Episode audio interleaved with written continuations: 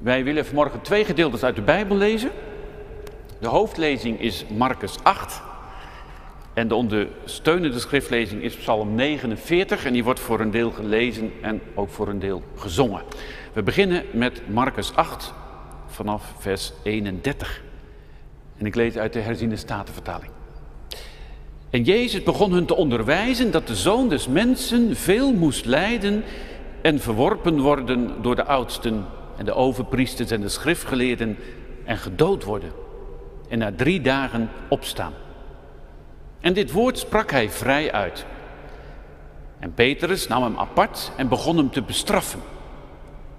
Maar Jezus keerde zich om en terwijl hij zijn discipelen aankeek, bestrafte hij Petrus en zei: Ga weg achter mij, Satan, want u bedenkt niet de dingen van God, maar die van de mensen. En toen hij de menigte met zijn discipelen bij zich geroepen had, zei hij tegen hen: Laat wie achter mij aan wil komen, zichzelf verloochenen, zijn kruis opnemen en mij volgen. Want wie zijn leven zal willen behouden, die zal het verliezen. Maar wie zijn leven zal verliezen omwille van mij en om het evangelie, die zal het behouden. Want wat zal het een mens baten als hij heel de wereld wint en aan zijn ziel schade leidt? Of wat zal een mens geven als losprijs voor zijn ziel?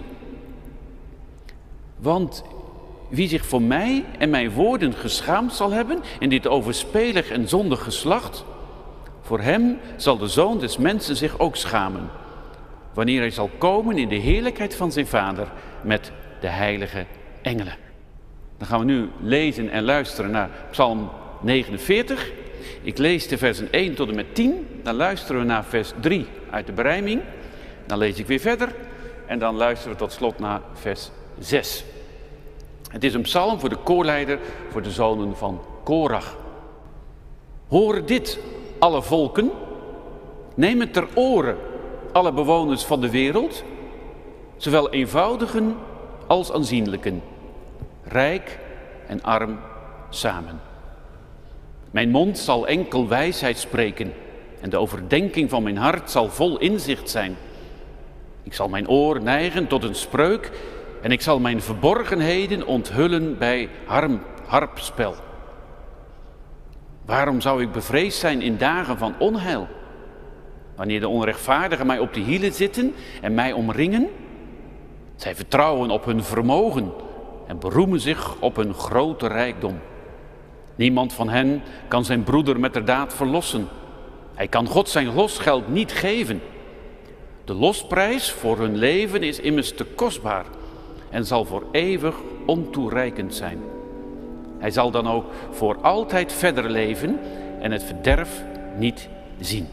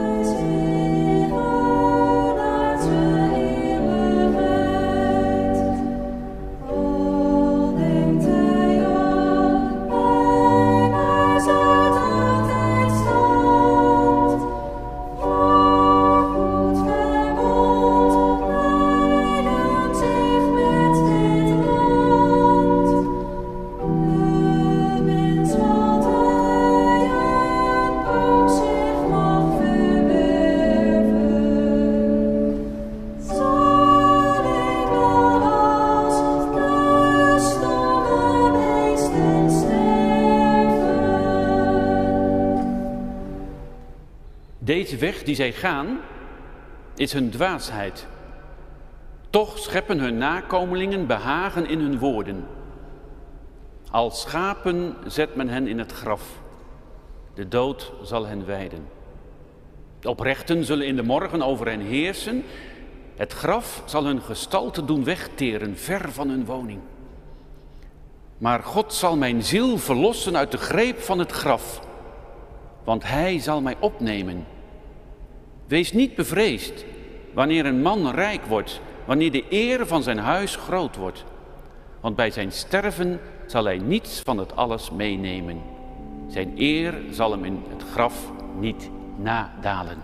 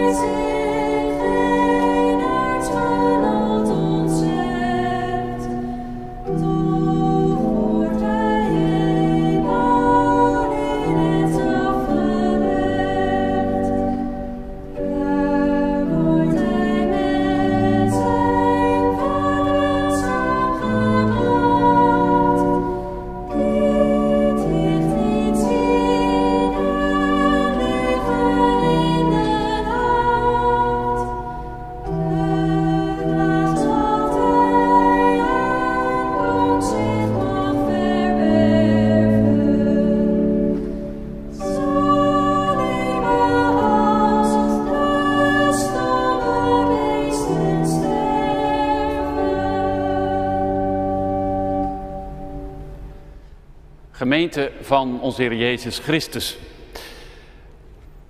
Hoe bent u in het verkeer? Rijdt u keurig of raakt u wel eens een paaltje? Of nog meer dan dat? Want dat loopt in de portemonnee en dat loopt in de papieren. Want die autoverzekering die je hebt, die, de premie wordt mede bepaald door het aantal schadevrije jaren. Ik weet wel van onze oudste kinderen een aantal jaren geleden dat ze voor het eerst een auto kochten en dat ze mopperden dat ze dus ja, nul schadevrije jaren hadden. Maar nou, ze hadden nog niet gereden. En dat ze de premie toch wel hoog vonden, ook al was het geen all risk. Hoe ik dat deed, zo weinig premie betalen, ja, gewoon rustig rijden. Maar dat is ook geen garantie. Maar ben je een brokkenpiloot, ja, dan zul je het weten. Op deze eerste zondag van de 40 dagen tijd wil ik met u nadenken over schadevrij leven. En dat doen we aan de hand van vers 36 en 37 uit Marcus 8. Want wat zal er de mens baten als hij heel de wereld wint en aan zijn ziel schade leidt? Of wat zal een mens geven als losprijs voor zijn ziel? Twee vragen. Maar het gaat toch om één thema. In de preek wil ik allereerst letten op de opbouw van de tekst. Dat is toch wel een hele kunstige opbouw. En die is wel heel belangrijk, want als je daar overheen leest, dan verlies je toch ook veel van de rijkdom van deze woorden. In het tweede deel wil ik afdalen tot in onze ziel. Dat mag weer hè, tegenwoordig. Denk alleen maar aan het boek van Arjan Plezier, De Zorg voor de Ziel. Ik heb hem ook gelezen. Mooi boek, moet ik ook zeggen. Waarin je ook weer ziet hoe belangrijk dat is. Juist in onze tijd waarin wij vrij slordig omgaan met onze ziel. En tot slot probeer ik ook, het is een poging, heel eerlijk, om het te concretiseren. Jezus is onderweg. Dat staat dan in vers 27. Zover ben ik niet teruggegaan in de schriftlezing. Misschien dat u vandaag tijd hebt om het grotere verband ook te lezen. En op het moment dat ze onderweg zijn, vraagt hij aan zijn discipelen, wie zeggen de mensen dat ik ben? En dan krijg je te horen wat men vindt. En dan zegt Jezus, maar uh, jullie dan? Wat is jullie persoonlijke beleidenis? En Marcus vertelt alleen dan wat Petrus zegt. Ik ga ervan uit dat de anderen ook een mening hadden, een visie op Jezus. Maar Petrus, ja, die steekt er blijkbaar bovenuit, want die zegt, u bent de Messias, de gezalfde. En dan gaat Jezus vertellen, hier voor het eerst, dat hij moet gaan lijden en sterven. En dat is zo schokkend voor Petrus, dat Petrus zegt, dat verhoede God. En daarom corrigeert Petrus hier Jezus. Maar Jezus corrigeert hem nog scherper. En hier staat dus ook twee keer bestraffen. En de bestraffing van Jezus, daar schrik je van. Hè? Ga weg achter mij, Satan. Je denkt niet aan wat God wil, maar alleen wat mensen willen. En dan gaat het tekstgedeelte verder. Het is als het ware één beweging, namelijk de menigte en de leerlingen die hem volgden. Dat is wel heel belangrijk. Dat woordje moet je eigenlijk als het ware al onderstrepen. Dus zij die hem volgen, krijgen nu te horen wat de consequentie is van die volging, die navolging.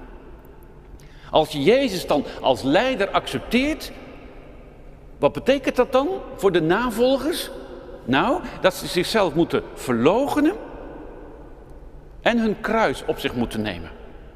Dat zijn twee aspecten die horen bij dat willen volgen van Jezus. En hier, dit gedeelte gaat ook heel letterlijk. We gaan nu verder met hem op reis. Maar dat geldt ook voor ons. Ook al zitten we dan 2000 jaar verder. Verlogenen, even het woordenboek erbij, heeft een hele betekenis. Maar de meest eh, in het oog schieten is toch wel zichzelf opofferen of zichzelf wegcijferen. Wie Jezus volgt, die krijgt de opdracht om zichzelf weg te cijferen. Daar zit ook een risico aan, ook psychologisch, dat besef ik heel goed. Maar dat is een belangrijk punt. En dat kruisdragen, dat je ook accepteert dat daar spot en verachting bij zit en zelfs de bereidheid tot het martelaarschap. Dus precies die dingen die Jezus over zichzelf vertelt, geldt ook voor de navolgers. Want hij heeft juist verteld eh, dat hij zichzelf wegcijfert, zichzelf opoffert. En dat dat gepaard gaat met kruis en in de meest letterlijke zin van het woord. En dan komt er in de volgende versen drie keer over want. Ook in het Grieks, gar, een reden. Drie keer over worden die twee aspecten van de navolging nader toegelicht. Want, en ik moet zeggen, vooral het verlogenen komt dan drie keer terug in die drie wanten, om zo maar te zeggen. En daar zit dus ook het lijden wel in verweven, maar wel minder sterk, moet ik zeggen. Het is wel belangrijk om die, die vier versen, om die ook op hun waarde te schatten. Het zijn wijsheidsuitspraken. En we noemen dat ook wel marshal-uitspraken. En marshal is gewoon een Hebreeuws woord voor spreuk. Het is alweer een heel aantal jaren geleden dat ik in mijn studieverlof me hierin verdiept heb. In spreuken, in de wijsheid van het Oude Testament. En toen ontdekte ik, was echt nieuw voor me, dat Jezus in hetzelfde taalveld spreekt. Dus ook uitspraken van Jezus, ook op de bergreden, dat gaat om de zaligspreking, al die dingen, daar zit een martialstructuur in. Wat bedoel ik daarmee? Het is een wijsheidsuitspraak die enigszins hyperbolisch kan zijn, een beetje overdreven, zeggen wij Westelingen. Ze kunnen paradoxaal zijn en er zit meestal een herhaling in. Er wordt nog een keer gezegd. En die herhaling heeft dan ook een zekere speelsheid. En waarom is dat zo belangrijk? Nou, dat je ze ook echt met Joodse ogen wil lezen. Dus niet zo Grieks, zo, zo altijd en overal hetzelfde. Dan haal je het leven eruit, maar het is veel meer narratief. Hij gaat met ons in gesprek en wil ons wakker schudden. Nou, vers 35, de eerste want. Want wie zijn leven zal willen behouden, die zal het verliezen. Maar wie zijn leven zal verliezen omwille van mij en het evangelie, die zal het behouden. Nou, je hoor je de, de tegenstelling tussen behouden en verliezen. En daar hoor je iets al in van dat krampachtig willen vasthouden van het leven. Of het durven overlaten aan degene die je volgt. En dan de versen 36, 37, daar ga ik natuurlijk in de preek straks nog verder op door natuurlijk, dat is de kern. Want wat zal er de mens baten als hij heel de wereld wint en aan zijn ziel schade leidt? Of wat zal ook een mens geven als losprijs voor zijn ziel? En hier ziet dus de tegenstelling tussen winnen en schade lijden. En daar speelt dan ook de losprijs een belangrijke rol.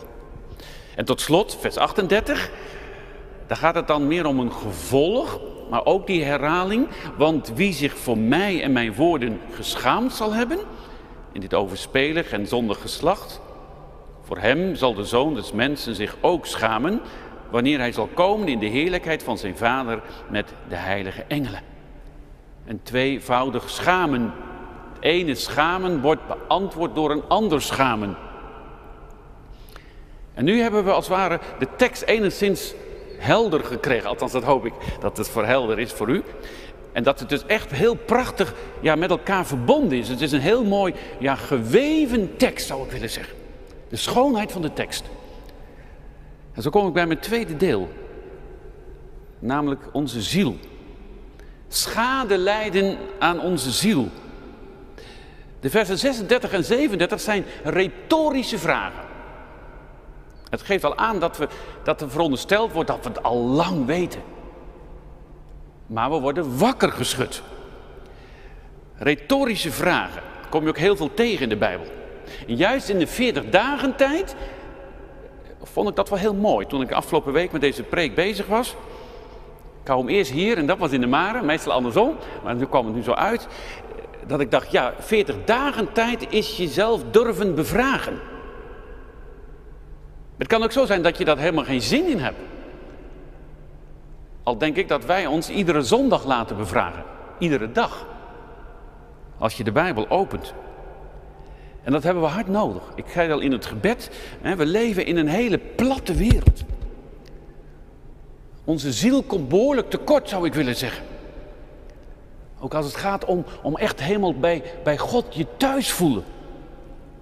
Afgelopen vrijdag was ik bij oudere gemeenteleden op bezoek. En die zeiden ook, de kerk, de Marenkerk dus, is best wel veranderd de laatste nou, 40 jaar. En nog veel langer zelfs. En vroeger werd er veel, veel meer over het geloof gesproken, veel bevindelijker. Nou ja, de jonge mensen weten niet eens meer wat het woord betekent. Nou, dat alleen al, hè, dat, of het waar is, weet ik niet, want ik vind dan nog heel veel geloof in de Marenkerk. Maar dat er wel wat verandert, dat geloof ik ook. Maar dat geldt ook zeker voor de cultuur waarin je leeft.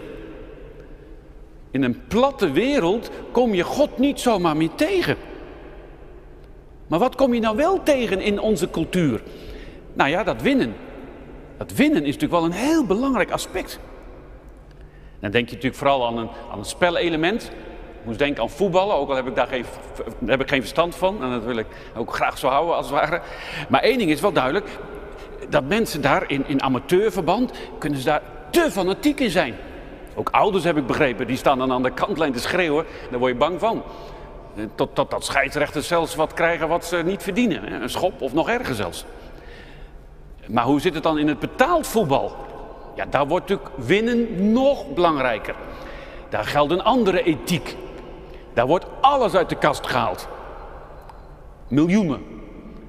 En zo kun je dan verkocht worden voor zoveel miljoen. En dan heb je van die gouden benen. Nou, moet er niet aan denken dat ik zulke benen zou hebben. Want dan ben je toch wel heel bang dat er wat misgaat met die benen.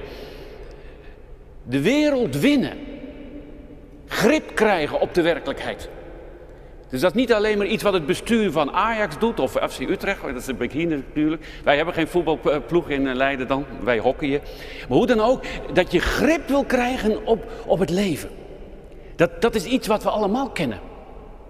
En dat kun je doen met je verstand, als je wat hoger bent opgeleid. Dat kun je doen met je geld, als je misschien een aardig zakcentje hebt eh, geërfd of, of hebt verdiend. Dat kun je doen met politieke macht en ga zo maar door. In allerlei gradaties kom je dat tegen. Geld, macht, genot. We are the champions. Wie kent dat niet? Dat is iets van de cultuur, ook van alle tijden hoor, dat moet ik er ook bij zeggen. En nu zegt Heer Jezus, je kunt de wereld winnen, maar je kunt schade lijden aan je ziel. En je kunt natuurlijk zeggen, ja, maar dat hoeft toch niet? Je kunt toch en winnen op een nette manier en geen schade lijden aan je ziel. Nou, dat is natuurlijk een typische uh, westerse reactie zou ik willen zeggen. Wat ik al zeg, dit is een, dit is een mashal, dit is een uitspraak die je best wel mag bevragen, maar laat eerst jezelf maar eens bevraagd worden. Stel nou niet meteen de vraagsteller in de reden, stel die in de reden, maar, maar, ga eerst nou eens luisteren naar die vraag. Wat heeft dat over mij te zeggen? Als ik kijk naar mijn leven. Hoe leeg is mijn volle leven? En stel die vraag nog niet als die te laat is. Als je met pensioen gaat en je daar denkt, jongen, jongen, ik heb nu, mijn, mijn arbeidsleven zit er nu op en ik heb ontzettend hard gewerkt. Maar ik heb daar niet zoveel aandacht gegeven aan de mensen die daar recht op hadden. Het blijkt ook dat wij ook steeds meer gaan werken. Hè? net een studie gelezen afgelopen week dat met name de hoger opgeleiden, dat was een onderzoek in Amerika, die gaan steeds meer werken. Dus de, de druk wordt steeds hoger. Nou, het effect is natuurlijk ook herkenbaar. Vroeger waren vooral de armeren die heel hard moesten werken. En je ziet nu als het ware een soort omslag. Dat juist de hoger opgeleiden, de rijkeren, langer werken en veel meer van hen verlangd worden. Hoe leeg is ons volle leven? Dat is een, een kritische vraag die je wel mag stellen. Maar nu wordt het ook wel tijd om eens naar die ziel te kijken. Want hier in het Grieks staat daar het bekende woordje psyche, psyche. Maar dat moet je wel lezen, wat ik al zeg, door een Joodse bril. Het heeft natuurlijk alles te maken met het Hebreeuwse woord nefesh. En dan betekent ziel dus niet iets in me, mijn sterfelijke lichaam en mijn onsterfelijke ziel. Dat is meer Plato dan de Bijbel, zou ik willen zeggen. Maar je moet veel meer lezen, dat, dat is mijn hele bestaan. Mijn ziel, dat ben ik voor God. Dat is mijn ik. En toen ontdekte ik iets bijzonders. Namelijk toen ik deze tekst keurig in het Grieks had gelezen, zit in de versen 35 tot en met 37, dus ook waar die want, want, want in staan, er komt vier keer het woord psyche tegen. Maar in de herziende statenvertaling en ook in de statenvertaling wordt in het eerste vers dat vertaald met leven en in de versen 37, 38 met ziel. De NBV doet het wel consequent. Ik zal het voorlezen, vers 36. Wat heeft de mens eraan als hij de hele wereld wint, maar er het leven bij inschiet? En vers 37. Wat zou een mens niet over hebben voor zijn leven? Nou, ik zal heel eerlijk zijn, ik heb een soort liefde-moeite relatie met deze vertaling, met de NBV. Ik vind hem soms echt heel mooi en soms denk ik, oh, waar is nou de grondtekst gebleven? Dat heeft natuurlijk te maken met die tweetrapsvertaling. Dus met alle waardering ook hoor, voor deze vertaling. Maar ik dacht wel, als je het zo vertaalt, dan loop je het risico dat je het ook wel weer heel horizontaal leest. Want dat, dat psyche, dat, dat leven, die ziel, dat zit in deze reden van Jezus ook wel heel sterk een verticale lijn. Een hele mooie vertaling die ik zelf vind is de Nardes. Nou, ga ik ook maar voorlezen. Want wie ook maar zijn lijf en ziel, er twee van die streepjes tussen gezet, wil redden, die zal het verliezen. Maar wie ook maar zijn lijf en ziel zal verliezen, vanwege mij en het evangelie, die zal haar redden. Want wat baden de mens om de hele wereld te winnen en beschadigd te worden aan lijf en ziel? Wat kan een mens geven in ruil voor zijn lijf en ziel? Ja, dan heb je hem helemaal te pakken. Vond ik echt mooi. Vers 37, hè? daar gaat het dus ook om. Als het gaat om winnen en, en, en schade lijden. En dan in vers 37 komt er dan nog een stap bij, een verdieping. Namelijk, ja, maar wie kan uiteindelijk dan zijn leven betalen als losprijs? Als, alsof je altijd kunt blijven leven. En er zijn de uitleggers vanuit gegaan ook dat hier duidelijk een lijntje loopt naar Psalm 49. Niet de meest bekende psalm, wordt niet zo vaak gezongen in de kerk, denk ik. Maar ik vind hem wel heel mooi. Ook wel heel eerlijk. Het is een wijsheidslied, ook een marshal. Weer precies hetzelfde. En daar wordt nagedacht over de vergankelijkheid van al onze rijkdom, maar ook de onontkoombaarheid van de dood. Hoe rijk je ook bent. Stof zijt gij en tot stof zult gij wederkeren. Spraken wij afgelopen woensdag tijdens de Vesper op Aswoensdag. De losprijs voor de dood kan geen mens betalen, wie je ook bent. Dat gold voor Steve Jobs, die op jonge leeftijd dan moest sterven, van Apple. Maar dat geldt denk ik ook voor Zuckerberg van Facebook en Musk van Tesla, de rijkste mensen van de wereld. Nou, je zou maar zo rijk zijn. Ik moet er niet aan denken, dat meen ik ook echt. Het lijkt me verschrikkelijk. Maar ook zij hebben te maken met al deze aspecten. De losprijs voor hun leven is immers te kostbaar en zal voor eeuwig ontoereikbaar zijn. En zo kom ik tot slot bij die spannende vraag. Doe eens een poging om dit te concretiseren. Wat ik net al zei, doe dat nou niet achteraf, te laat. Ik had. is juist niet een kerkdienst, en zeker in de 40 dagen tijd, ook een moment dat je die vraag nu stelt. Of je nou 30 bent, of 50, of 70. Stel die vraag niet uit, daar zijn we heel goed in. Als het gaat om de taaie vragen van het leven, heb ik nu geen tijd voor. Ik moet nu carrière maken, ik moet nu winst maken, ik moet nu genieten. Dus ik heb nu geen tijd voor de echte vragen van het leven. Dat, dat, dat is onze samenleving. En ik denk dat wij als christenen daar net zo mee behept zijn. Hoe maak je dat nou concreet? Vroeg ik me af. Nou, de samenleving geeft ook wel weer adviezen. Mindfulness. En niet dat ik daar nou zo kritisch over ben hoor. Wel afhankelijk hoe diep je trekt in het boeddhisme. Mindfulness is dat je ook ruimte zoekt voor rust. En dat kan ook heel christelijk zijn. Al werkt het bij mij niet, ik heb er ook wel in verdiept, mag je best weten. Ik heb ook een vrij jachtig bestaan, heb ik wel eens de indruk. Maar dat ademhalen en dat gedoe, dat werkt bij mij niet. Dus ik ga liever wandelen met de hond of fietsen. En dan kom ik wel tot rust. Maar hoe dan ook, ik, daar ga ik niet meteen heel negatief over doen. In de jachtigheid van onze samenleving is het misschien helemaal niet zo gek om eens even die rust te zoeken. Ik moest denken aan een boekje van Mirjam van de Vecht, De kracht van rust. Acht tegendraadse lessen over werk en het goede leven. Vind ik echt een aanrader, serieus. Dat zit dan niet in de mindfulness hoek. We hebben echt een mooi boekje. En toch, dacht ik, toen ik bezig was met deze preek. 40 dagen tijd is ook lijdenstijd. Ook al is het belangrijk om kritisch naar je leven te kijken.